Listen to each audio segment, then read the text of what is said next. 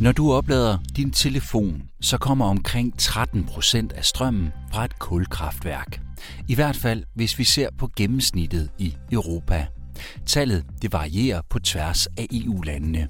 I Polen udgør kul 80% af landets energiproduktion, mens det er knap 20% i Danmark.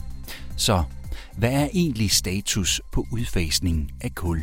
Og hvilke udfordringer er der, når energiproduktionen i EU skal gøres grønnere, så vi kan vinke farvel til vores sorte kulvaner? Status på udfasningen af kul i Danmark er, at der, der er truffet beslutninger om, at alle værker, undtagen et, øh, skal lukkes. Og det er også sådan, at øh, det sidste værk, der er åbent, der er der planer om at, at lave nogle nye øh, teknologiske løsninger til, sådan vi også kan få kullene ud fra, fra det sidste værk. Mens det altså går meget godt herhjemme med at nå målsætningen om en total udfasning i 2030, ja, så går det noget langsommere andre steder. I Tyskland er målet, at kulkraft først er udfaset helt i 2038.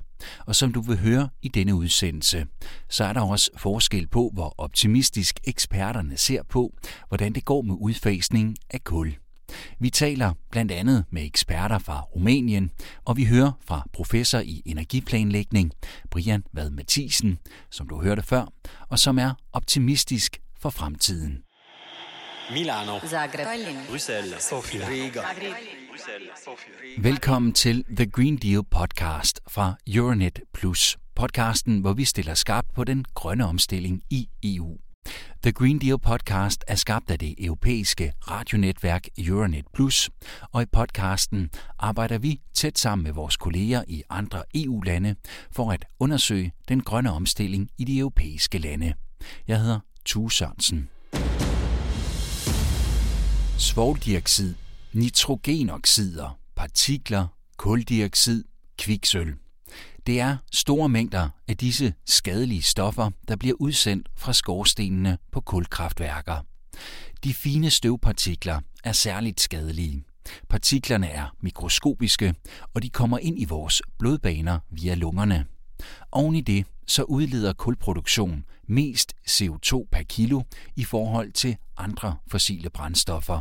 For eksempel næsten dobbelt så meget som naturgas. Energiressourcerne i Europa er knappe, og de bliver stadig dyrere. Derfor kan det være fristende for de lande, der ligger inde med store kulressourcer, at blive ved med at brænde det sorte guld. Det giver derfor heller ikke mening at forbyde kulkraft fuldstændig, mener energiekspert Jonas Porica fra Hyperion Universitetet i Bukarest. Rumænien ligger inde med store kulreserver, og Jonas Porica mener, at løsningen er at finde teknologiske løsninger, der gør afbrænding af kul mindre forurenende. For mig giver det ingen mening. Kul er en energikilde, som hvis vi ser på det nuværende forbrug, vil kunne levere energi til de næste 140 år. Det er meget tydeligt, at vi her har en ressource, kul, som er brugbar og som også kan være en strategisk sikkerhedskomponent, fordi vi ved at bruge kul kan dække over situationer, f.eks. ekstrem tørke, som det er sket i vores land i flere år. Men under de omstændigheder er det klart, at der er behov for nye teknologier. Rene kulteknologier, kulforgasningsteknologier, teknologier til at bruge kul på en mere effektiv måde. Og der er behov for teknologier til opsamling og lagring af den CO2, der bliver udledt på de forskellige kulkraftværker og termiske kraftværker. Der er ved at opstå meget effektive teknologier, der gør det muligt for os at bruge kul sikkert og rent.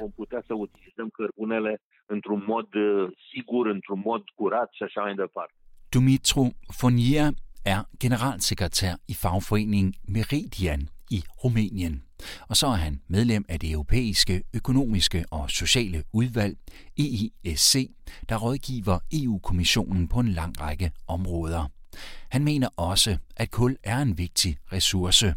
Han advarer dog om, at kvaliteten forringes, da kulproduktionen i stigende grad består af brunkul, der er den laveste kvalitet af kul, og som er mere forurenende og mindre effektivt. La nivel mondial avem rezerve importante de cărbune.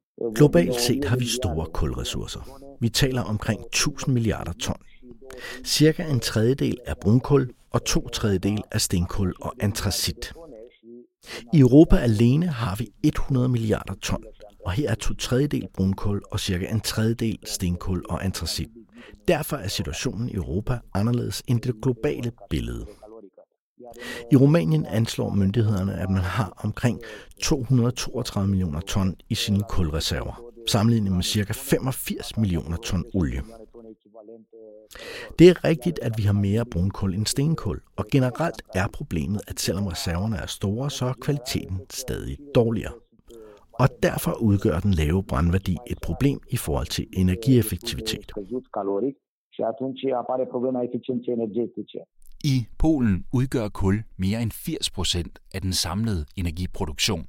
Derfor er der, måske ikke overraskende, modstand mod udfasningen af kul. Jakub Witsch er journalist med speciale inden for energi, og han peger på, at Polen ikke er et godt sted politisk set.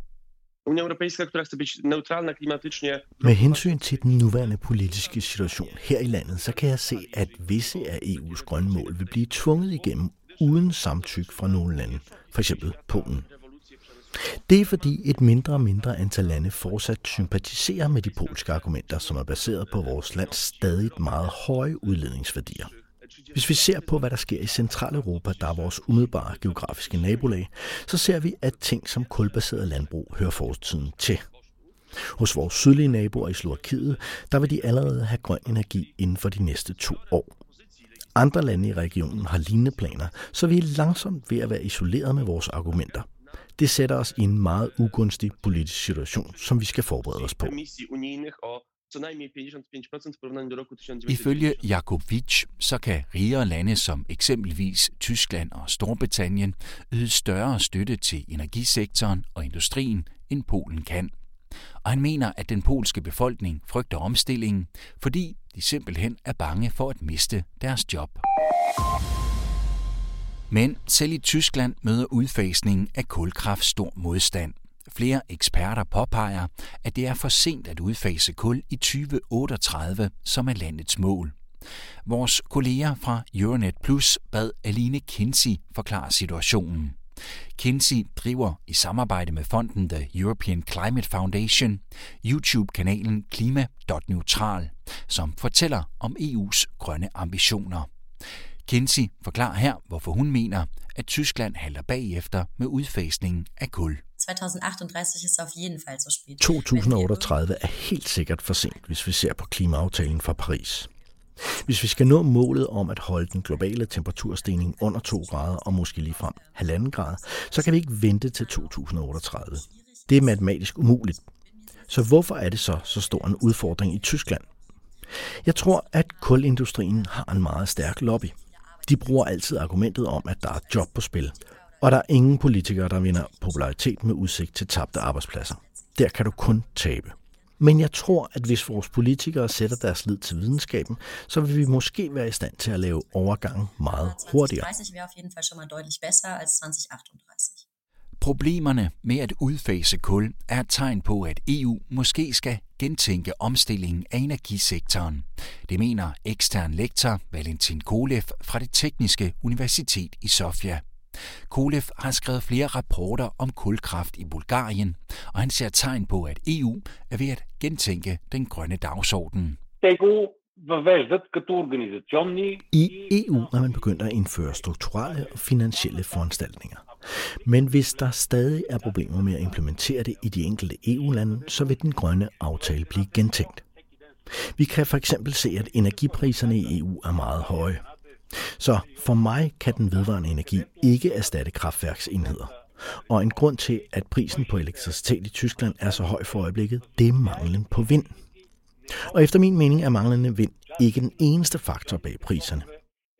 Den generelle bevægelse i energisektoren i retning af at lukke flere kondenseringsenheder forårsager en stigning i prisen på elektricitet og en mangel på den.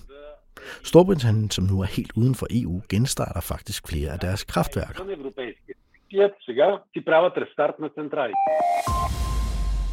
Vi skal selvfølgelig også omkring Danmark. Herhjemme er målet, at kulkraft skal være totalt udfaset i 2030. Og ifølge professor i energiplanlægning ved Aalborg Universitet, Brian Vad Mathisen, er vi fint på vej med at nå i mål. og det er på en måde, som andre EU-lande kan lære af, fortæller han her. Vi har været i stand til at lukke for driften af mange øh, kulkraftværker øh, ved at få øh, vindmøllestrøm ind i vores elsystemer og levere i dag omkring halvdelen af vores strøm på, på vindmøllestrøm. Og det vil man kunne gøre i, i ret mange øh, europæiske lande. Så har vi så lukket nogle øh, kulkraftværker ned, øh, også ved at erstatte det med øh, biomasse. Det er sådan, at når vinden ikke blæser, så har man brug for nogle kraftværker, der øh, kan fylde hullerne ud. Det er også sådan, at vi, øh, vi skal putte noget brændsel i de kraftværker, øh, men øh, det brændsel, som vi bruger i, i Danmark, den, altså den biomasse, vi bruger i Danmark, baserer sig i høj grad på træpiller, i høj grad på importerede træpiller. Og det er ikke et eksempel, som vi må tillade, at øh, resten af Europa øh, følger. Men øh, det, der er også tilfældet, det er, at nogle af de værker, de bruger lokale øh, residuale biomasse ressourcer, det vil sige biomasse, som er restprodukter fra spildevand, fra affald, fra øh, træproduktion, fra øh, landbruget i form af biogas. Og der giver det rigtig god mening at bruge det. Og, øh, og det er sådan set de løsninger, vi skal have ud og arbejde i Europa. I omstillingsprocessen er der behov for, at vi tænker os om i forhold til, hvad det er, vi putter i stedet. Europa vil have god gavn af at få langt mere fjernvarme, så vi kan få erstattet de her naturgasfyr, vi har rundt omkring. Og så vil Europa have, have god gavn af også at få lukket de her kulkraftværker ned og få, få kigget på, øh, hvordan kan vi bruge de her øh, kraftværkspladser øh, til noget, noget mere fleksibilitet. Altså kunne der være områder, hvor man kan have nogle øh, mere fleksible kraftværker, som træder ind, når vinden ikke blæser.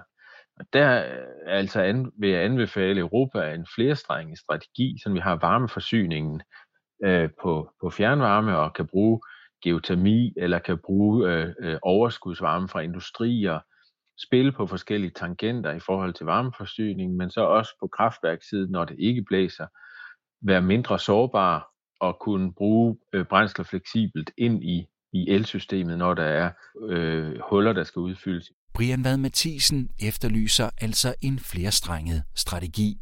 Derfor spurgte jeg ham, om løsningen derfor ikke kan være en grønnere måde at bruge kul, som bulgarske Jonas Porika fra Hyperion Universitetet påpeger. Altså, der findes ikke rigtig nogen grøn måde at bruge kul på. Øh, vi har lavet nogle analyser af det, man kalder CCS, kulfyrede kraftværker, altså et kulfyret kraftværk, hvor man tager CO2'en ud og lager CO2'en. Det, der sker ved at, at bruge kul i et, et kulfyret kraftværk med CCS, det er, at øh, virkningsgraden bliver ekstremt lav. Øh, det er også, at driftstiden faktisk skal være ret høj, for at man kan, øh, hvad skal man sige, holde prisen nede på, på det her med at lære CO2. Og når driftstiden af den slags anlæg skal være høj, så passer det jo faktisk ikke særlig godt ind med, at formålet med at bygge vindmøller og med at bygge solceller jo faktisk er at lukke kraftværker ned. Jeg vil ikke anbefale, at man putter sine penge i den retning. Jeg vil anbefale, at man putter sine penge i, i retningen af, af, af vind og sol, som jo også bevisligt er billigere øh, og producere el på en, øh, en kul. Øh, der, der er jo nogle regionale forskelle i Europa, og det skal man jo tage højde for øh, i udfasningen af, af kulfyrede kraftværker. Og der vil også være lande, der synes, at det øh, øh, virker for dyrt, øh, eller i hvert fald dyrere at, at producere el med vedvarende energi end med kulkraft. Men der har vi altså også brug for at, at lade markedsmekanismerne virke en, en lille smule. Altså sørge for, at man lokalt har mulighed for at stille vindmøller op, sørge for, at der er nogle mekanismer, der gør, at man kan investere, at elmarkedet er åbent, også i Polen, også i Rumænien, også i nogle af, af de lande, der, der, der er meget forbundet med øh, kulindustrien. For så at understøtte øh, transitionen, så øh, er jeg jo rigtig glad for at se, at kommissionen også fokuserer på, hvad er den økonomiske situation i nogle af de øh, Øh, områder, hvor der udvindes øh, kul, altså hvor man, man prøver at understøtte en, en øh, omdannelse af økonomien, en efteruddannelse af befolkningen. Og øh, i mine øjne er der en, en meget, meget stor velvillighed øh, langt de fleste steder i forhold til os at basere sin fremtid på nogle, nogle andre arbejdspladser og nogle andre teknologiske løsninger. Der er ingen tvivl om, at transformationen væk fra kulkraft kræver mere vedvarende energi. Og derfor skal der også skubbes på den udvikling, lyder det fra Brian Vad Mathisen.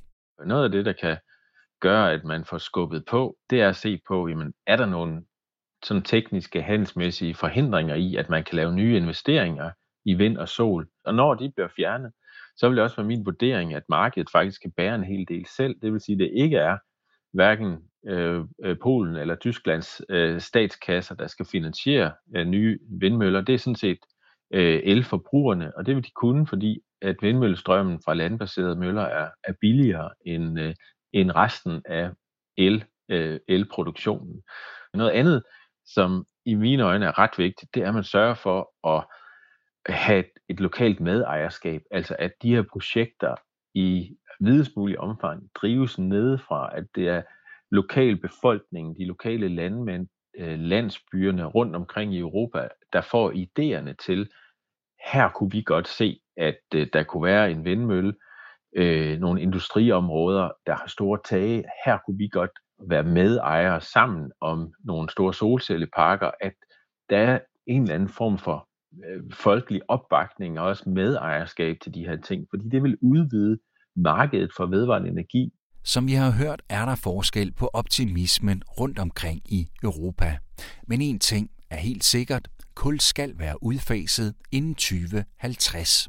Og hvis EU-landene skal leve op til sine grønne ambitioner og målsætninger, ja, så må landene dele erfaringer om både udfasningen af kul og implementeringen af vedvarende energi. Så lad os til slut give professor Brian Vad Mathisen muligheden for at plante en smule optimisme for fremtiden. Altså i mine øjne er Europa øh, jo et øh, symbol i, i globalt på, at den grønne omstilling kan lade sig gøre, hvis man laver en, en koordineret indsats, hvor man også viser hinanden, øh, hvordan det kan lade sig gøre. Og med de trods alt opmuntrende ord, så nåede vi enden på denne episode af The Green Deal. Podcasten er produceret af Podpeople for Euronet Plus. Torsten Spis er redaktør, Nikolaj Tvinge har tilrettelagt, og mit navn er Tue Sørensen.